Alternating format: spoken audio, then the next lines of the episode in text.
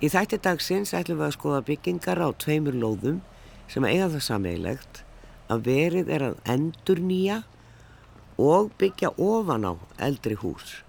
Um er að ræða hverfiskötu 98 til 100 og gamla þóskaffi í Brauturholti 20. Við ræðum við Arnáþór Jónsson arkitekt hjá Arkís og Helgamar Hallgrímsson arkitekt hjá Nordic.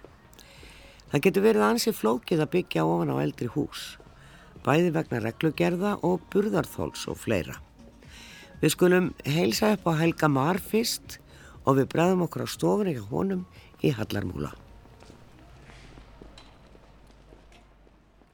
Gott fólk, við ætlum að ræða eins um já, hlut sem að vakti forvöldinu mína í leðin í strætt og nýri bæ og vagnin fer niður hverfiskötu og þar við hotni á Barónstík, það er hverfiskata 98, 98a og 100 og 100a. Á hotnunu er stórt hús, stannið, það er stærsta húsið, það er eh, ekkert, á ekkert að hrópla við því. Það er kaffehús á næsta hæðinni og svo tvær hæðir og reys. Fyrir ofan það hús er Argentína, svo fólk kannski átti sig á því, Argentína á barástyrnum. Síðan er þetta svolítið skrítin hús, það er eitt mjög lítið, það er eins og kjallari með þakk, það er austast og, og síðan er annað uh, tvekja hæða með risi og svo er eitt tveggja hæða bara eiginlega eins og þessi flatt þakk en það er vist lítið þakk á því. Helgi Mar Hallgrímsson, arkitekt hjá Nordic eh, er með þetta í höndunum og búin að vera með það í svolítinn tíma. Ég, ég legg forðna á að vita hvort að byggja ofan á þarna því að það er búin að vera að tala um það núna í svolítið langan tíma. Við verðum að fara að hugsa um að endur nýta byggingar. Eins og lítið með svo heklurittnum þar á að rýfa allt en það er kannski þau hús standa inn á miðri lóð. Þessi standa út við götuna og götumyndin á hverju skötu þarna upp að snára braut er randbyggð.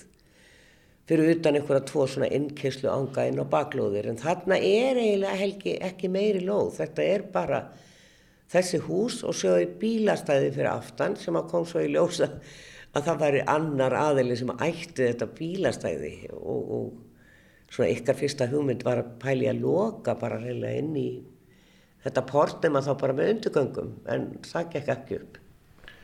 Já, þetta var það, þegar hérna okkar kunni kaupir þessa lóð 2016 cirka minnum mig þá er þarna í gildi deiliskeipla frá 2005 sem er unnið af arkitektastofu Gunnars og Reynis. Og það skipulag sem gerir rað fyrir því að það er byggt ofan á sagt, hús 98A og 100 eh, sagt, að það erði núverandi þögg erðu rifin og það erði beigð hæð og reys ofan á. Og svo gert ráð fyrir að hús 100A erði rifið og að það erði byggt hús í staðin í sagt, er með svona sama útliti og, og gamla húsið Já. Eh, sem að myndi þá fylla alveg út í, í bylið, fara alveg að næsta húsi. Já og en að það erðu á jarðhæðinni erðu portgöng þannig að bílar kemurst ennþá inn á bílastæði á baklóð en, en þau, sérst, svo baklóð hún tilherir e, húsum við laugavegin og er í eigu annars aðila. Og þetta var bara, þetta skipla var búið að vera gildi frá 2015 e, svo þegar hérna okkar viðskiptavinnur eignast þessa lóð þá förum við að, förum að skoða þetta og förum að, að, að gerum til og að breytinga á deilskipulagi sem að gengur út á það að breyta, e, breyta því að samkvæmt gildandi skipulagi þá, þá var gert aðfyrir vestlun og þjónustu á jarðfæð í þessum húsum.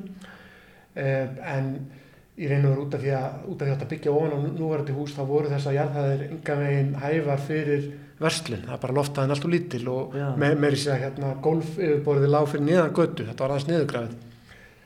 Og þannig að hérna við förum í það að, að e, gera til að breytta deilskiplaði sem gengur út á að sagt, e, breyta jarðhæðunum í íbúður og sömulegis er fleiri svona smá breytingar það til dæmis að, að hérna e, sækjum um heimil til þess að vera með lágbyggingu á baklóðinni fyrir geimslur og hjólageimslu og annað slíkt. Eh, en svo þegar, þegar þessi deiliskeipulagsbreyting er gengin í gegn þá kemur úr ljós að skipulaði 2005 að eh, þar var hérna veru eh, sagt, þessi, þessi innkessla frá hverjusgötunni inn á baklóðina Já. var í eigu annars aðila, var í eigu þess aðila sem á þessa baklóð og, og hús sem að til er því við lögavegin og þannig að lóðamörkum hefði verið breytt án samráðs við eiganda þeirra lóðar. Og þetta er eitthvað sem að, sem að hérna, okkar, okkar viðskiptavinnur sem að kaupir lóðina hafði ekki hugmyndum og, og hérna og greinlegt að þessi eigandi baklóðarinnar hann, hann fattar þetta ekki fyrir en að eh, fyrir að vera að breyta deiliskiplæginu þarna 14 árum eftir að hitt, hitt deiliskiplægið er samþykkt. Já. Og það er náttúrulega, sko, þetta er náttúrulega klúður hjá borginni. Þetta er ekki neinum öðrum að kenna en, en og, og fólk ekki að skoða þetta alveg nógu vel en, en þessi viðkomandi aðeins sem á þetta, hann hefur ekkert verið tilkipilegur í að taka bara þátt í þessu og byggja hana. Það, það allan var ekki, ekki lendingin, lendingin var, var bara svo að, að lóðumörkunum er bara breytt tilbaka. Þannig að hérna eh, eins og sér hér lóðumörkunum er bara, hérna, breytt tilbaka þannig að þessi eh, aðili fær að, fær að halda sinni innkjærslu sagt, óskertri og það er ekki við að byggja yfir innkjærsluna þannig að þá er í raun og veru svo breyting gerð að, að eh, húsið 100a að það er þá bara byggt á sama grunnfleti og gamla húsið. Það er náttúrulega, eins og þú segir, það eru bílastæðarna á bakvið maður svona, mér dettur nú í huga að fólki sem að kaupir íbúðir hérna, það, það er ekkert bílastæði þannig á hverfiskötunni og, eh, og verða, verða enn færri bílastæði þar í framtíðin ef allt gengur eftir með borgarlínu. Þá verður bytist um þessi bílastæði þannig á baklóðinni. Já, já, helvest, ég, ég sjálf sér veit ekki hvað eigandi þessara bílastæða hefur í hyggju, hvort hann, hvort hann hafi í hyggju að hafa þetta áfram sem bílastæði eða, eða hvort hann hafi í hyggju að skipilega einhverja byggða þarna. Ég Já. sjálf sér hef ekki upplýsingar um það, sko. Nei, en þú segir, og ég maður sér það á þessum teknikum, að þetta er náttúrulega lagsta húsi lítur út eins og kjallari með þakki og uh, ég hef aldrei komið inn í það og ég held ég hef ekki komið inn í neina af þessum húsum, þetta eru bara svona typisk reikvísk hús, íbúðarhús svipað og ljósallagötunni og, og ásallagötunni og bara mörgum grettisgötunni, álsgötu, þess vegna niður við Snorabrönd uh, sko randbyggð. En þið sáttu uppi með það að borgin af því að það á að byggja ofan á að borgin lítur á þetta sem ný hús ekki, eh, sko, ég er að velta fyrir mig þessari reglugerð. Og þið þurftu að fara í baráttu um að geta sett eitt lyftuhús engang í öll þrjú húsin á einum stað. Já, það er, í raun og veru þannig að, sko, að skipulagið er með þá stefnu að samin ekki lóðir í gamla bænum. Og tilgangurinn með þeirri stefnu er að halda í þennan svona smágerða mælikvarða, að það sé ekki verið að rýfa smágerð hús og, og byggja eitthvað, eitthvað stórgerð sem hefur allt annan karakter í staðin. En hérna, þannig að borgin var alveg hörða, eða það er að skipulagið hjá borginni var, eh, það, þar, þau voru alveg hörð á því að, að það ætti ekki að saman þessar lóðir. En svo svona þegar við förum að huga að hönnun þessara húsa, þá e, kemur það nokkuð fljótt í ljós að þetta er þess að grunnflötur hvers, hvers hús fyrir sig er, er svo lítill að ef maður ætlar að gera sagt, liftu og stiga samkvæmt nútíma uh, byggingarreglgerðum þá bara tekur, fara svo margir fermetrar í það að það er nánast ekkert eftir í hverju húsi uh, fyrir íbúðunar. þær eru ekki stórar 77 fermetra stærsta og svo 34 og svo 54 þannig að e, fjórir allaveg og segja. Þannig að þetta eru bara svona mjög hvað hún er að segja, bara smáar íbúðir á meðan við margt í dag Já, já, akkurat og, og það þetta kemur bara svolítið til af bara stærði núverandi hús. Þetta eru, þetta eru gömul hús með lítinn grunnflöt þannig að, hérna, þannig að alveg verða íbúðunar eh, frekar litlar.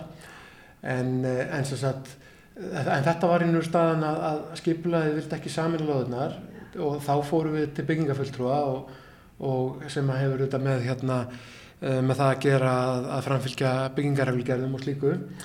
Og, og þá spurðum við hvort að við getum fengið að þó þetta væru þrjú, þó þetta væru þrjár lóðir, hvort við getum fengið að raun og veru hanna þetta sömuleita eins og eitt hús, hvað var þar aðgengi og annað, við getum fengið að vera með eina liftu og eitt stiga og hérna og, og e, leysa að sorpgeimslu og hjólageimslu og annað slíkt sameigilega e, út af því að við höfum rauninni fengið, fengið þær upplýsingar frá byggingafulltrúa að það er engin afsláttur gefin af nútíma byggingarreglgerðum þá, og byggingarreglgerðum þá eru þetta ný hús af því að það er verið að breyta en það mikið að við þurfum að uppfylla allar kröfur sem að ný hús þurfa að uppfylla. Og það, hvort sem að það varðar aðgengi fallara eða brunavarnir eða annað stygt eh, og þá var, þá var þetta orðið svona svona, svona dilemma því að svo saði byggingaföldru að, að hvert, hvert hús fyrir sig á hverju lóð er það að vera sjálfstæð eining og, og það er það að leysa öll þessi aðgengismál og brunamál og sortmál og hjólastæði og allt innan hvers hús á hverju lóð. Og, og þá bara var bara verkefnið ekki að ganga upp. Þetta bara hérna e, bara kannski eins og sérðu horfur á þessar grömyndir að að það væri komin svona, svona lifta á stíi hvert hús þá væri ekki Nei það er alveg, maður sér það alveg og það er teiknuð inn þarna lifta og einn stegagangur og svo einn gangar inn í, í þrjá rýbúðir þannig að, að austasta íbúðin sem er byggð ofan á minnsta húsið, hún verður stærst og, og svo síðan næst stærst út við e, barónstíð og svo er einn sem snýr alveg í söður lítil e, tveggjaherbygg íbúð. En e, þetta er hugulegt og svo eru svalir á öllum íbúðum. Og, og hérna þú sýndir mér aðan mynd af, af svona litlum bakgarði sem að er bara svona rönd eins og ég segi það, það er lítil lóð þarna á bakvið en svo samiðilegar ón á þessa skúra sem að verða byggður fyrir hjól og geimslur. Já, einmitt, kannski, kannski rétt til að klára þetta bara með, með, hérna, með uh, sko, byggingafulltrú á skipulegð, þá, þá var það þannig að þetta, þetta tók mjög langan tíma út af því að þetta var svona pínu, hérna, þetta var sko skipulegð með, með, með svona sínar áherslur að saminningi löðunar og byggingafulltrúi eðlilega, hérna, að eh, vill að húsinu fyllir byggingarreglgerðir en þá var þetta svona, þá var þetta pínu sko, ómöguleiki, það bara verkefni gæti ekki haldið áfram nema, nema eitthvað, eitthvað myndi gerast. Og, og eftir, eftir talsveit langan prósess þá, þá hérna, eftir bara samtalsmilli aðila og, og fundi sem voru haldnir milli, milli okkar og, og byggingafulltrúa og skiplagsins, þá var það lendingin á endanum að það feksta saman þessar lóðir og, og þá gæt verkefni haldið áfram. Já. Já, þá kannski spyr með það svona út frá því helgi og gefum aðeins svarin hinn er spurningunni sem ég kom með er, er sko, er þetta ef að, ef að menn er að pæli því að endur nýta byggingar og, og, og byggja onna á þetta og þetta eru gömul hús og maður já, er þetta eitthvað sem er fristandi fyrir framkvæmta aðila og arkitekt að vinna í að, að þetta er, er mikið flækjufótur. Já, já, þetta, er, þetta verkefni kannski hefur verið svolítið sér á parti varandi flækjustig með að við starfum verkefnis en, hérna, en það er alltaf, það er alltaf áskorun að, að vera að, að e, þjætta í gamla bænum. Og, og sérstaklega þegar það verða endur nýta gamla byggingar og það þetta fælst í því e, í sjálfu sér alltaf ákveði flækjustig. En, en ég held að að mínum mati þá allavega eins og í þessu tilvilli þá er þetta bara augljós ávinningur fyrir umhverfið. Því að Þarna er, er í raun og veru til dærulega helsteift svona húsaröð þar sem að þessi hús í raun og veru skera sig úr og eru, eru minni heldur en önnur hús í röðinni. Þannig að sömleiti finnst mér bara að vera að við erum bara að klára þessa, þessa hérna, húsaröð og, og hérna, gera hana helsteftari og við erum að vinna með hérna, gömlu húsin þannig að við erum að stækka þau bara algjörlega á forsendum gamlu, gamlu húsina þannig að mínum að þá er, er, er þetta bara, það er verið að bæta umhverfið og bæta borgina og mér finnst það bara ja. aðalmálið í svona verkefni. Sko. Það er mikill pluss, en e, svona kannski þá er, er hægt að byggja ofan á þessu hús. Eru þau, það er búið sérst að samþykja að rýfa þetta litla sem að ég kannski skilnum alveg, þetta er, ekki, þetta er eins og kjallara með þakki.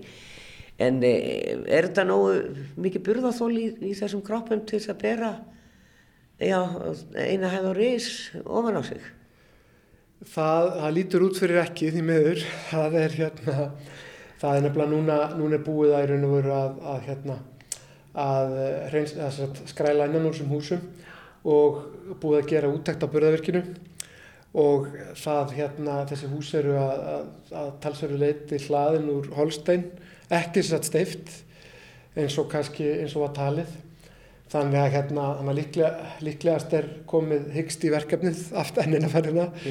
Uh, hérna, e, af því að það er, það er mjög tvísind með það að sé hægt að byggja á Já, og þrátt fyrir að í raun og veru það var, það var eh, hérna það er henni stóð til að byggja þau úr, úr timbri af því að það var, það var fyrir löngu ljóst að það er þú þungt að steipa þau sko. En þannig að hérna, hann eins og staðinu núna þá er veru verkefnið í ákveðinni svona byðstöðu meðan að verða kanna þessi mál frekar og ef að, og mögulega þarf að fara í samtal við borgina um að fá að rífa þau og, og byggja ný í staðin sko. en af hverju, hvað kemur í veg fyrir að þetta er byggt úr timbri?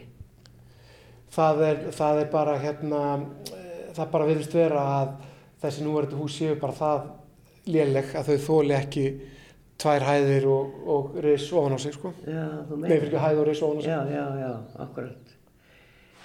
Þannig að enn verður uh, samtal tekið upp, en kannski ef að skoða þess baklóðina áður en að yfir líkur því að hún er sérmerandi og þetta er eins og ég segi, þetta lítur út eins og þetta hafi alltaf verið þarna samkvæmt þessum teknikum, þetta eru hús sem falla algjörlega inn í göttumyndina. Það eru svalir á efri hæðum í þessum íbúðum og svo er þarna lítil garðrönd á jarðhæðinni og stýi upp á þakið á þessum geimsluskúrum sem verða byggðir hérna á bakvið. Já, akkurat. Það er, það er mjög lítil uh, baklóð sem að til er í íbúðinni en, en þetta baklóðin snýr í söður þannig að þess vegna hérna eru, eru íbúðina með svalir í söður en, en uh, svo erum við að nota hluta baklóðinni fyrir uh, þessa lábyggingu þar sem er gert ráð fyrir geimslum fyrir íbúðinar. Það eru þetta ekki kjallar í þessum húsum þannig að einhvers stað þarf, þarf þurfa geimslunar að vera og sömulegis uh, hérna, sortgeimsla og hjólageimsla og þá erum við að nota þakið ofan á þessari lábyggingu fyrir sameigilegt dvalasvæði fyrir íbúðana Já, og það er, þetta er í raun og veru alveg ágættis flötur sem að næst þarna ofan á og snýr mjög, mjög vel við sólu, snýr beint í söður og þarna þarna ætti að vera sólrækt, sólríkt og, og skjólgott. já. Þetta er eins og ég segi bakhúsi á Argentínu sem að er náttúrulega bara í litlu húsi við baróstígin og svo þegar maður kemur inn þar og þá opnast svona stórt félagseimili þar í baklóðinu og það er þarna og, og síðan eru bara bílastæði þarna á bakvið þannig að, en, að hvað heldur nú er bara aftur sest niður og byrjað að funda? Já, það er, það er það þarf vantarlega bara að, að botna það mál alveg hvort það sé hægt að, að byggja ofan á þessi hús eða ekki með einhverjum styrkingum með einhverju slíku. Með, sem að mér skilst að sé, sé tvísýnt. Já. hérna, og þegar það er búið að botna það mál þá þurfum við vantarlega að, að taka upp samtal við borgin aftur þannig að verkefnið geti e, haldið áfram og, og, hérna, og vonandi þessi hús loksins klárast og þessi göttumynd klárast. Já, nákvæmlega. Það verður spennand að sjá, það sem vakti forvitni mína var þessi hólu hús þegar ég var í strætó að keira þetta neyrindir og ég bendi hlustendum á að, að taka sér smá göngutúru eða, eða bíltúr með strætó til dæmis niður í bæ og, og sjá þessi þrjú hús og þá kannski gerir ykkur aðeins meira grein fyrir hvað við erum að tala um hér. Við hverjum Helga Már Hallgrímsson arkitekt, spennandi að fylgjast með þessu verkefni og við höldum í Kópavógin. Já, við erum að fjalla um tvær lóðir þar sem er verið að vinna með endurgerð húsa. Við erum komin hér inn í Arkís í Kópavóginum, tegnastofuna. Þar situr Arnar Þór Jónsson arkitekt og er búin að hanna og það er nú bara eiginlega verða klárt. Gamla þóskaffi. Þetta er semst á hotni Nóatúns og Brautarholts pluss eitt auka hús þarna sem er komið inn í komplexið í Brautarholtinu. Það sem er sérstakt finnst mér við þessa byggingu það er verið að endurnýta í rauninni allan, alla steipuna utan og eh, en það þurfti náttúrulega líklega að rífa heilmikið inni, ég gerir ráð fyrir því. En þetta er algjört borgarhús, þetta er, eh, þetta er sko ég hef hvergi séð svona litlar íbúður í sölu, þetta líkist einna helst stundagörðum að því leiti.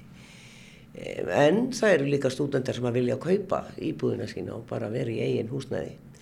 Og þetta er sérstakt eins og ég segi að þegar maður kemur að svona stóru húsi með mörgum íbúðum að það, það að oppin sé sko alveg nýri átján fermetra og upp í 30 og síðan eru á efstu hæðanum e, stærri íbúðir en samt engin svona penthouse. Þetta er svona uh, rétt af, vissu leiti. Við erum með, þetta eru, þetta eru að mörgu leiti litlar íbúðir, stúdíóíbúðir sem að hérna, hafa verið svona hagalega hérna, tilkomi hvernig, hvernig við erum bara að innrétta og gera þær. Hugmyndin á bakvið allt var náttúrulega svo að, að vera með hagalega gerðar íbúðir bæði í hérna hvað maður að segja bara í, í innra skipulagi Já. og í hérna sagt, eh, öðrum þáttum sem að viðkoma að húsinu eins og hjólastæðum og, og hérna, þvóttaðastöðu og samauðlu rými í gardi og öðru slíku. Það er margt annað sem að er kannski svona eh, kannski nýlegt hérna á Íslandi en eins og nefnir stúdendagarar þá er alveg hægt að hérna, það er hægt að, alveg hægt að líka þessu saman við það. Já, en uh, hugmyndin á bakvið þetta var náttúrulega svo að þarna væru náttúrulega bara aðgengilegar uh, litlar íbúður á markaði. Uh, fyrir fólk náttúrulega við vitum það að fólk er jafn misjamt eins og það er margt og hefur misjafna þarfir. Þetta er bara inn í flóruna á já, því. já. Það er fallegt þarna við ingangin á hodninu, treppur og svo er aðgengi náttúrulega fyrir alla, þannig að beint þarna af göttunni. Og þetta skigni er svona, það er svona doldið frá þessum tíma 50s, 60s sem að þóskaffi e, var byggt með svona skemmtilegri lýsingu undir og þið eruð að endur vekja það til dæmis. Og svo er eins og að hafa verið turn utan á húsuna, muna margir eftir liftunni sem var sett þarna einhvern tíman síðan með sem var svona glerlift að maður gætt fylgst með á leðinu upp og hort út. Þessi turn er að vissuleiti endurreistur hérna líka en það er þá stegagangur núna eða hvað. Já, þetta er í rauninni upphælaði stígagangurinn á húsinu. Það nú kannski gaman að segja frá því að, að hérna, fæði minn hann vann líka í þessum bransa og, og, hérna, og hann í rauninni kom að því að hanna hérna, þúskaffa á sínu tíma og setti þessa liftu utan á. Já, já. og ég er svo sá sem að kem og teka hann í burtu. Og rýður hana niður. en, en, en það, er, það er svo kannski annar mál en, en við hérna, áttum náttúrulega gott samtal við hérna, skipulega á sín tíma þegar við vorum að, að hérna, fara í þetta. Og við vorum alltaf með þar hugmyndir að, að hérna, horfa til húsins eins og það var hérna, upprunlega og hvernig við gætum verið að taka inn einhver svona einkenni af húsinu eins og það var. Og þar á meðal var þetta skikni og við vildum endilega reyna að koma því inn og það kemur bara mjög vel út og sóma sér vel og mér finnst þetta í rauninni persónulega en að fallera eins og það er núna. Já, að ekki að vera að klastra við einhverju sem að kannski hafi, ha- hafi ekki verið en, en sagt, hús eru náttúrulega þannig að þau getur náttúrulega alltaf tikið breytingum já, og þau taka breytingum með við hérna, sagt, eh, virknina hverju sinni og þarna var náttúrulega á sínum tíma eins og þú nefnir Þórskaffi og þarna var hérna baðstofan hennar Lindu. Og það eru svona eh, húsið búið að taka á sig marga myndir og núna er það að taka á sig nýja mynd sem að eru íbúðir.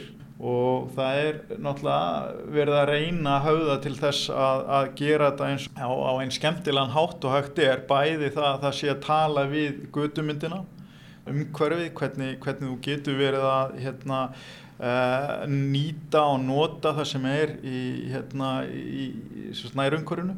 Þarna er, var mikið gert uh, eða lagt til höfu sjólamanna líka uh, bara í sambandi við hjólastæði og annað slíkt. Það eru, var hugsað til þess að það væri tvö hjólastæði á íbúð Uh, Þannig borgarlínan bara í, sagt, uh, Næsta nágrenni, alveg bara í, uh, bara í næstu guttu við hliðina Þannig að, og, og svo náttúrulega bara miðbarinn, bara í, í göngufjallæð. Já, það er all þjónustæðarna bara í göngu fjallegð. Já, Þarf engin ástæð til að vera með bíl þannig og, og ég gerir ráð fyrir þetta er ekki fjölskyldur sem flytja inn í þessar litlu íbúðir en það er, er jáfnvel par og svo er eins og segir, svo eru annað stærri íbúðir á hotnum og annað sem að fara upp í hvað, þryggja, fjara herbygg íbúðir. já, það er fara alveg upp í þryggja, herbyggja.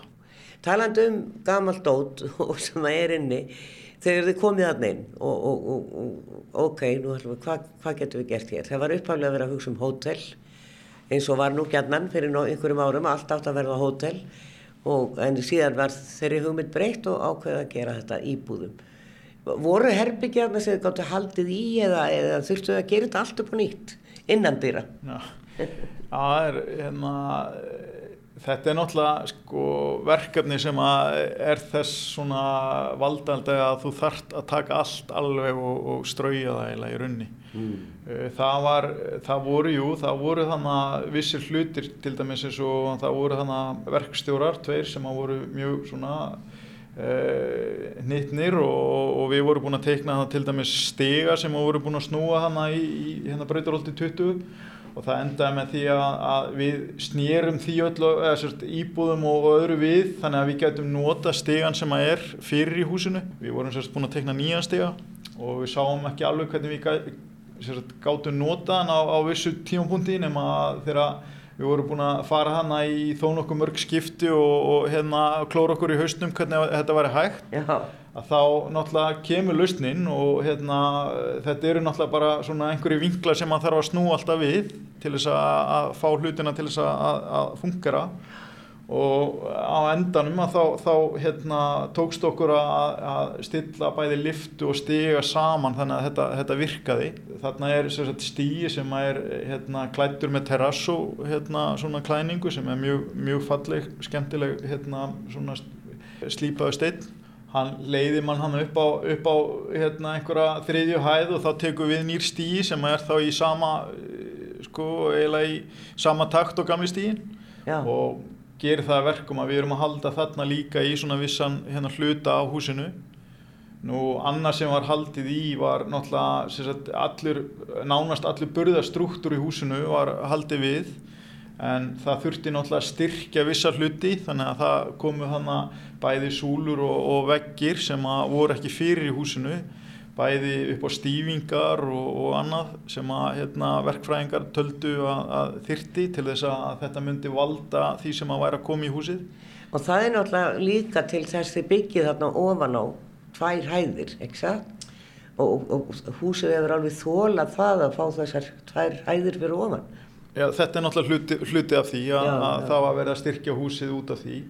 Þetta eru í rauninni, ég vil kalla þetta einu og halva hæð, eða þannig, að þetta er húsi var í rauninni þrjárhæðir og þarna verður að þrjárhæðir og svo að reyna indregin eða sérst þakkæð og þetta verður svo fjórarhæðir og indreginhæð hjá okkur.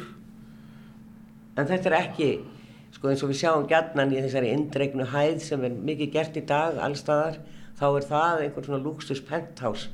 Þetta er ekki þannig. Nei, en, en, stærri íbúðinar eru á efstu hafnum Já. og kannski lúksu sem fælst í því að þú ert með svalir á, á hérna báða vegu. Þannig að ef þú ert þannig til dæmis eins og í hérna uh, brautarholtinu að þá ertu með svalir í norðu-söður og já. það gerir það verkum að þú ert með gegnulýsta íbúð sem er mjög fín sko. þar eru, sagt, á efri hafnum þar eru við með gegnulýstar íbúður en svo á næri hafnum eh, eins og kannski eh, er skiljanlegt að þar er, hérna, eru íbúðunar minni já. og við erum að, að hérna, reyta húsið upp þá meira já. þannig að með gang, gangsvæði í miðju og og þetta er svona, má, má alveg segja það að þetta sé svona svolítið afspringja af svona hótelpælingunni. Að þetta eru í rauninni kannski hérna svona bara stærri gerða á hótelherbyggjum. Þegar við horfum hérna inn í gardin, við kíkjum aðeins í bakgarðin og þar eru eh, á efstahæðinni stóra svalir sem á þessari indregnu hæð. Og það eru svalir við hverja íbúð. En svo eru hérna aðeins stærri svalir í miðunni, er það inn á gangi eða, eða hvað eru að horfa á það? Þetta, eru flótasvalir. Þetta eru flótasvalir, já. já það er nefnilega það. Þannig að eh, fólk getur ekki notað jú, þær eða hvað? Jú, jú, það er alveg, alveg hérna leifilegt að nota þær en ja. það má bara ekki sagt, uh, læsa hurðinni. Nei, ég skil. Það verður læsa sig út af svölum og verða fastur þar. Það eru brunastíðar á tveimur stöðum og þeir eru klættið með svona riflum eða timbri eins og minnir svolítið á hús Vítísæra svo að fólk skilja hvað er, ég er að tala um. Við sjáum hér ofan á þakið á þessu uh, sameigilega rými þar sem að hjólun eru og þvóttahúsið og svo eru gardbekkir þarna, kemur sól á nýjan en gard það er nú skemmtilegt að segja frá því við fórum nú bara sjálfur og, og, og tekkum á þessu um daginn hérna. Já. en við gerðum sólastúdíu fyrir hérna skipulagið á sínum tíma til þess að skoða hvernig þetta væri. Uh, annað er að, hérna, að þegar við fórum hana þá, þá var mikill næðingur hann að norða með við þegar við fórum út að svali þar. En svo þegar við uh, löpum bara nokkuð skref inn í hérna söðugarðina þá var bara í rauninni heitt og, og bara hlýtt uh, engin vindur. Já, það munaði alveg töluverðu. En þetta náttúrulega sagt, eh, hefur allt með tíma, dags og, og, og, árstíðir og- og allt. já. þetta. Að hérna, hvernig, hvernig það er. En, en það, er, það myndar samt alveg mótla hana inn í garðinum. Og ég hafði orðið af hérna, þeim sem eru að byggja þetta að, hérna, að þeir töluðu mynd um það þegar þeir gátu ekki að vera að vinna norðamegin þá sendur ég alltaf inn í garðin til þess að klára þar ég þannig að, að það var alltaf hægt að vera inn í garðinum Já, einmitt. Það er ótrúlegt lognið í söður átt á bakvið svona blokkir eins og við vitum sem búum hér á þessu blessaða landi. En þe- þetta er sem sagt, þeir eru með eitt auka hús þarna inn í Brautarholti, númer átján og eruð í raunin að fara enn lengra inn í Brautarholti, næsta hús þar við hliðina. Já, það er, Það er bara á hönnastíði. Já, það er á hönnunastíð, já, það er sem sagt, já, það, við höfum hérna, verið að skoða það eins með sama aðila Já, ég skil. og, hérna, og þar eru við bara í rauninni að halda sama takt uh, fyrir utan að þar verða aðeins stærri íbúður heldur en í hinnu komplexinu. Þar eru við að uh, verðum við með íbúður sem að eru með hérna, sagt, uh, flutt í kringum 80, 80 fermetra. Já, en þú sagði mér í mitt áðan að, að borgin, sko, það er, búið að vera að kalla eftir þessum litlu íbúðum alveg bara búið að rópa núna í nokkur ár. Og þær eru svo sem, það er hægt að finna þeir einu og eina í hverju einustu blokk sem er byggð, Eh, en, en ábyn er vanlega einhverja stærri íbúðir. Og hinnum er svona laumað inn, inn á milli, það má kannski minnast á reitnir og hverfiskötu neðarlega fyrir ofan bókina, bókabúðina, þar er, eru svona litlar íbúðir inn á milli og nokkuð margar á milli lögavegs og hverfiskötu. En annars er þetta eh, ekki mjög algengt að sé verið að byggja svona stórt hús með svona mörgum litlum íbúðum eða endurgera, segjum við nú hér. En borgin, já, þú segir að það er svona eitthvað konf konflikt með það að mega vera með svona litlar íbúðir. Nei, ég sé kannski ekki að það sé konflikt, þetta er náttúrulega bara, sagt, eh, borgin er náttúrulega bara að vinna eftir vissir hugssjón í, í stærðið á íbúðum og hérna það er sagt svona, já það er e, í rauninni stærðin sem að borgin gefur út að, að hérna eigi að vera að vinna eftir er í kringum 80 fermetrar. Svona minni, minni íbúðir, það eru, það er bara svolítið erfitt að koma þeim í gegn, já. Já.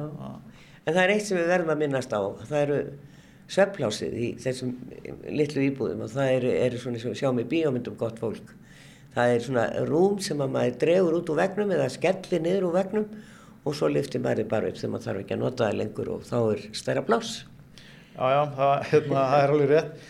Þetta er sem sagt, e, við fórum alveg í það sem sagt, e, á hönnunastíðinu, hvernig við getum verið að, gera þetta virkilega e, vel, bara Já. hvernig við væri hægt að gera svona íbúðir þannig að þær væru í rauninni að fungera vel bæði þegar, sagt, núna erum við ekki með stort gólplás, að þá þurftum við að finna lausn og lausnin er svo kallað Murphy bed Já, og það er sérst bara hluti af innréttingu sem er þá þannig að þú drefur það út þegar þú ert að nota það og, og setur það svo aftur inn þegar þú ert hættur að nota rúmið.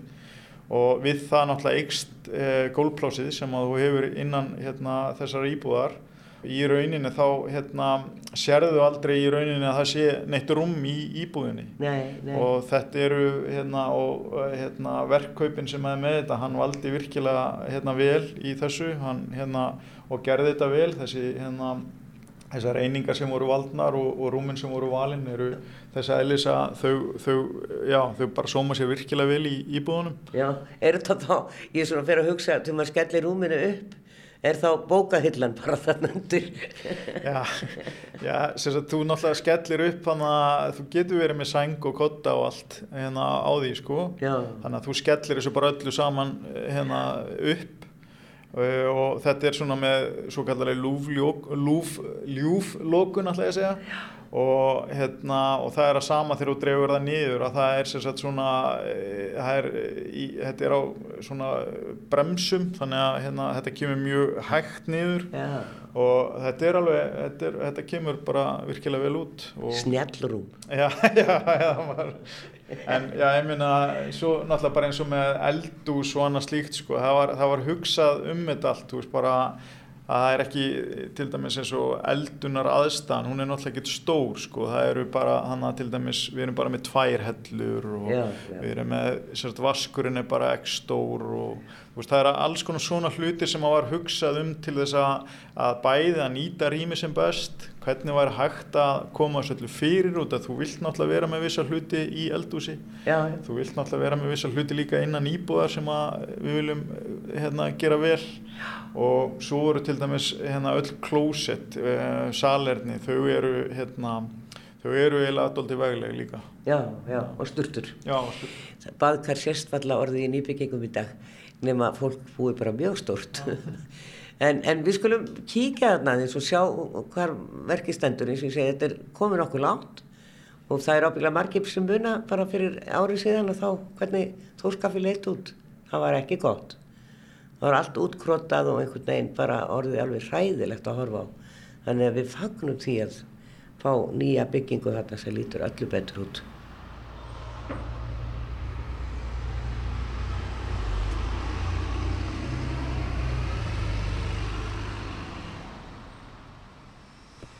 Við erum komin hérna í Nóatúnið, Brautarholtið og hér er enn verið að vinna og, og svona, það búið að glerja allt hús sem að sér alveg hvernig þetta kemur til með að líti út. kemur kona út og hérna með fullt af pókum og nú var alltaf flutt inn. Það er engin fluttur inn í þetta, er það? jú, jú, Nú er það? Já, já. Ok, það er nefnilega það. Skemmtilegt treverk hérna á turninum, sem við getum kallað. Þetta er náttúrulega svona utan á húsinu og svo er þetta, þetta skygni komið upp en ljósin er ekki komin enn en þetta er alltaf, þetta er alltaf gerast. Ertu ánægð með þetta? Já, mér finnst þetta að koma alveg ágætlega út Já. það séu vissir hluti sem við svo sem kannski lögum ekki alveg upp með en, en, en, en margt af þessu er bara alveg að pari við það sem við, hérna, við gerðum í okkar hönnun. En hvernig stendur á því að, hérna, að allt í einu er eitthvað öðru sem arkitektinn er búinn að leggja til? Já, ég vildi ég geti svarað því. Það er nú bara oft þannig að, að menn fara sínar eigin leiðir en, en hérna, það eru, svo eru bara mál sem að koma upp á, á verktíma sem að er kannski erfitt að leysa og, og þá eru teknar einhverjar ákvarðanir og svona en, en að mörgu leiti þá hefur þetta hús svona hérna lukkast mjög mjög vel sko. Já, ég þarf alltaf að, sjá þetta hotn heldur hvernig það var orðið á, á síðan tíma, það var bara orðið hræðilegt og enda svo sem lítið vel út áður líka fyrir mörgum árum síðan. En það kemur mér á óvart að sé fólk, fólk flutt hérna inn. Er, er það hérna húsið sem er upp eftir e, löngulíðinni eða nóatúrunum? Já, ég gerir ráð fyrir, því að það sé, það, það, er, e- sagt, það er ekki flutt inn í átján en 20 er, ég held að sé búið að flytja þar inn. Já, já, já. Sko, eh, þú sagði nú eitthvað við mig í viðtali að það væri kannski þörf á því að arkitektar fylgdu eh, meira með verkonum því að þá annars, sko, þá myndur ekki segja þetta. Þetta varði öðru sem ég ætlaði. Það er einhver hérna svona já, einhvers konar lenska hérna á Íslandi það að- arkitektum er oft eh, á vissum tíma þegar verkteikningum er skilað að þá er eh, svona, þá, þá rofnar samstarfið á milli sagt arkitekts og verkkaupa eða, eða verktaka þar sem að þeir eru þá með sinn verkstjóra eða einhvern svona aðila á verkstað sem að tekur við verkinu og eru þá að fá hann til þess að framfylgja teikningum og öðru slíku. Og arkitektin hann er ekki á verkfundum ekki nema það bara takmarkað. Og þetta er einhvern veginn, ég veit ekki, þetta, þetta viðgengst ekki annar staðar Nei, hérna á Íslandi hefur þetta einhvern veginn allavega í þeim verkefnum sem ég hef verið í þá hef ég ekki verið á ekki mörgum verið hóað í þig. Já, já, ég segi það nú ekki, það er náttúrulega, auðvitað, auðvitað eru verkefni þar sem að maður er á, á verktíma og verkstað, en sko yfirleitt þá eru hönnunarfundinni bara teknir á verktíma sem teikninga, Já. ekki á verktíma húsins, þar sem að náttúrulega er alveg jafn mikilvægt að hafa arkitekti með sko. Já, ég hefði haldið það. En, en auðvitað eins og í skil, það stundum kannski teknilega ekki hægt að leysa hugmyndaflugu arkitektsins og þá þarf að finna ykkur að lausna en það ætti nú að gerast í samráði við arkitektin. Jú, jú, og það er svona blessunarlega þá eru nú flesti sem að hafa samband þegar það er orðið þannig, þegar það er orðið einhver yngstrætti sko. Já, En í öðru til dæmis bara að þegar sko, að hafa arkitekt ekki með á verkfundum til dæmis, hann getur svarað fyrir eiginlega allt uh, mjög fljótlega. já, Það er hann sem að fylgir rauninni öllum teikningum og öllum hérna, sem sagt, allri, allri sk- bara þekkingu á húsinu úr, úr læði þegar hann er að hanna húsið. já, En svo náttúrulega þegar þetta kemur á verkstað og menn fara að lesa teikningar að þá náttúrulega getur orðið misbrestur í, í því hvernig teikningar eru og annað slíkt sko. Eða þá bara að menn telja sig vera með betri lausn og gera þetta og gerir þetta bara. þetta bara. Já, já, En já. það er náttúrulega hérna svona, þetta er, þetta er hvað maður að segja, það er alltaf hérna tvær hliðar á, á, á, á penningnum Jú, og við viljum náttúrulega sko reyna náttúrulega fyrir, fyrir okkar leiti sem, sem hönnur þá viljum við náttúrulega reyna að fylgja okkar verkefni sem best úr hérna vörð þannig að við getum fylgt því eftir og þetta sé gert þá samkvæmt því sem við erum að, að leggja til. nákvæmlega. Eh, hér, svona í umhverfið hér, eh, brautarholtið er að breytast, það er mjög gaman að ganga það bara alveg neðan af, eh, neðan af rauðarástíknum og fara hér upp eftir og upp, á, og upp í brautarholtið úr skipholtinu að, og þverholtinu, það er verið að taka öll hús hér í gegn og þessi gata er að snar breytast fyrir utan að það eru gamlar fallega byggingar eins og mjölkustöðinu sem er núna þjóðskjálasafnið e, fallegt gamalt hús inn á milli og þannig að er þessi gata er að verða bara mjög falleg hægt og bítandi Þetta er, þetta er, allt, þetta er náttúrulega alltaf að taka miklum breytingum og ég tala, tala nú ekki um heklureitin sem að er hérna bara við hliðin okkur. Hann á eftir að taka alveg svakalugum breytingu þegar, þegar það fyrir í gang. já, En þetta er náttúrulega bara liður að svona, hérna, hvað maður að segja, bara nýjung uh, í, endurnýjun í borgarumhverfi. Borgarumhverfi er náttúrulega bara í rauninni alltaf að mótast. Þannig að, að þe- þetta hérna er bara í þessari mótun akkurat núna. já. Það er ekkert, þetta voru svona atvinnuhúsnaði hér út um allt. En við eigum að reyna að gera tilraun til að komast inn. Það- ég, við hefum átt að grípa þarna íbúa sem voru að fara inn og út úr dinnar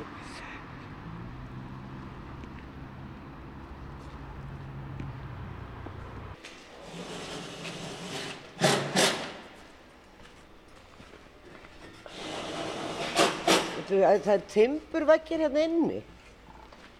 Nei, það er bara, já, þetta er að taka það í fullu sko.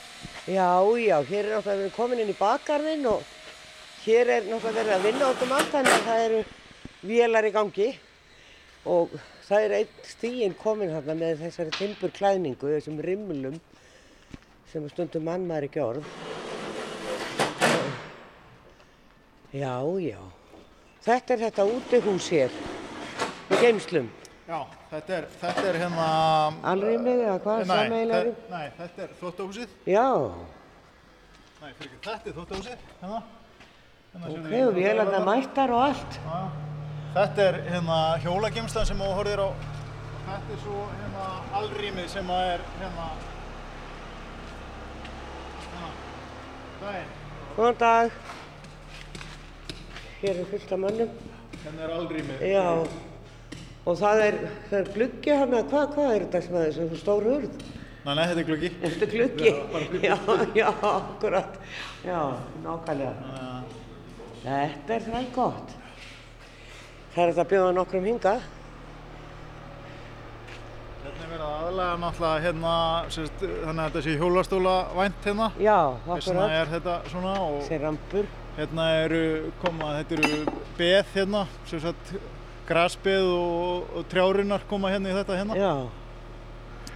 Það hefði ekki verið ástæða til að setja stíðan á þetta hús og hafa garðin líka þarna uppi á þakkinu. Það við lögum það til í byrjun, Já, en en þetta er svona bara, þetta tekur breytingum Já, á, á, á verktíma Já, og á hönnunatíma.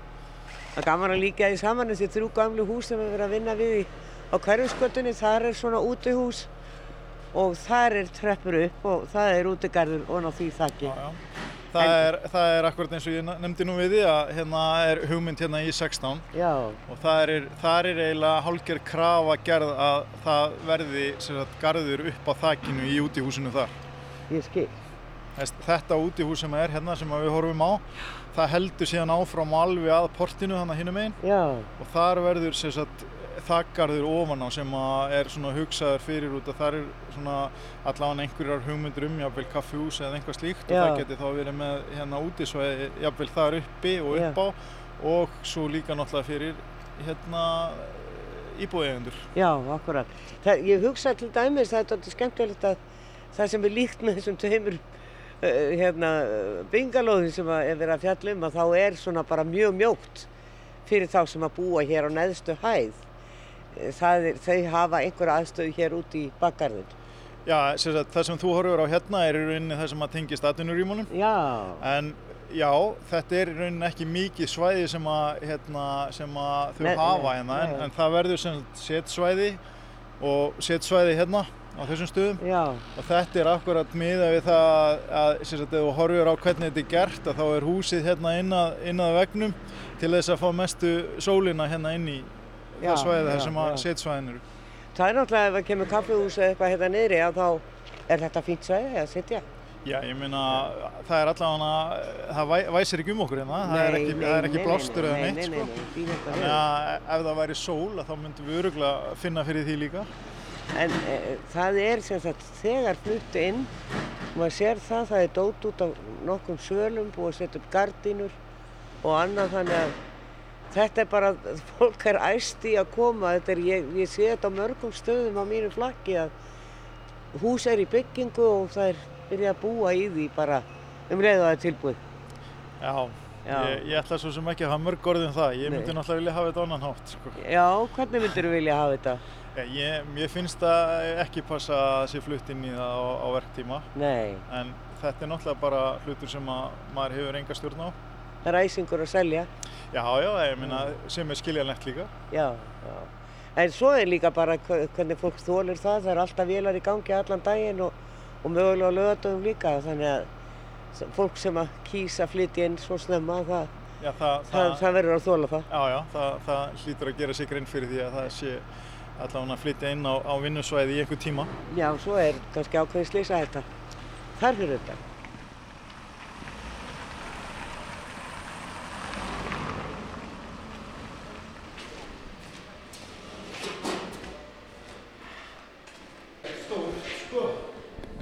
Nei, nú erum komin hérna inn í eina litlu íbúðanum. Hér til hægri er líklega baðarbyggi. Þetta er bara svona herbyggiskrókur eiginlega. Þetta er mjög lítið. Já, þetta er hvað? Þetta eru bara kannski 20 fermetrar eða eitthvað svona, ef það er það. Já, þetta er með minni, minni íbúðanum. Já. En þetta er, uh, maður getur alveg haft það gott. Já, ég, Hvar kæmi rúmið svo? Hér eða? Rúmi kemur á þennan langveg kanna. Já, Hérna er eldúsinnrettingin, kemur hérna á þennan hérna Já. og eldúsborð hérna. Og þetta er náttúrulega bara, þú sér það að 60 eining kemur hérna út, cirka, þá er þetta bara gólplás hérna alveg. Þannig að þetta er, þetta er svona svipað þegar maður var í náminu úti, stúdenda íbúð. já, já, þær eru ekki, eru ekki mikið stærri en þetta. Og svo er bara hægt að fara hér beint út á svali, suður. Nei, þetta eru, nor þetta eru norðursál. Það já, snýi, ég áttaði mig ekkert á því hvernig ég snýri.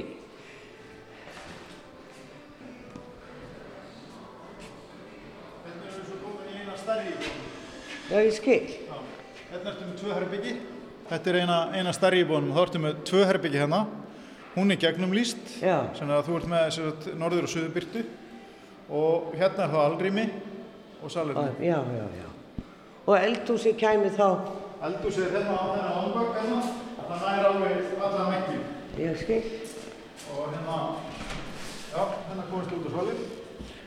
Þær eru örugar. Já, já, við erum að hoppa þeim. Já, hér snúum við í söður. Já, hérna erum við sérst, komin, komin út á Suðursvalir og horfum hérna út og onni í garðinn og hérna á útihúsið og hérna þetta er svona eh, þetta eru bara fínar svalir hérna sem hægt er að vera með tvo stóla og borð Það kemur alveg sól hér og, og vestursólinn líka hérna í lokin inn, inn eftir. Já, já.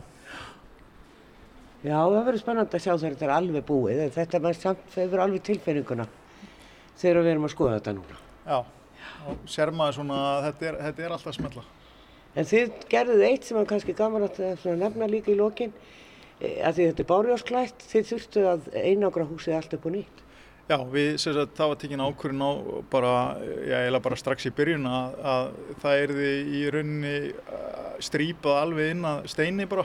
Þannig að öll einangrun sem var í húsinu, bara til þess að koma í veg fyrir uh, miklu og annað slíkt, sko, þá var, þá var öll einangrun tekin.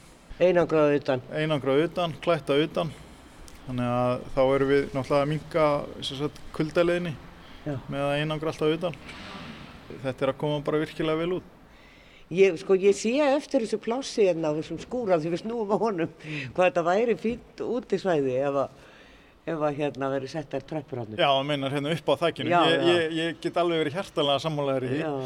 Og þetta var náttúrulega eitt af svona, meira þess að við, við, við eigum þessar teikningar af tröppunum en upp, sko. Já, já. Það væri alveg að taka það fram og fá það til þess að, að kíkja á það. En, en, en eins og sérðu þú horfir hérna inn eftir, að þá heldur þessi bygging áfram hérna, hún heldur áfram svona hérna og að, hérna, það er spennistuð hérna alveg í endan og þarna á öllu því þakki, Þar verður hérna, já, já. og það er aldrei að vita nema út að þessi garður hérna, hann er alltaf sammeilur, eða sagt á, var alltaf hugsaðar þannig og portið verður alltaf opið, þannig að þegar komið hérna, sagt, að þú getur farið þarna upp, þá er svo hérna lítið mál að setja hérna handrið á þetta hérna Já, og, já, og hafa þetta sem hérna.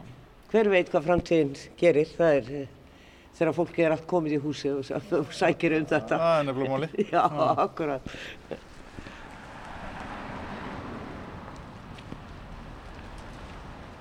Þar með hvaði við Arna Þóri Jónsson arkitekt og gamla Þórskafi og ykkur gæra hlustendur.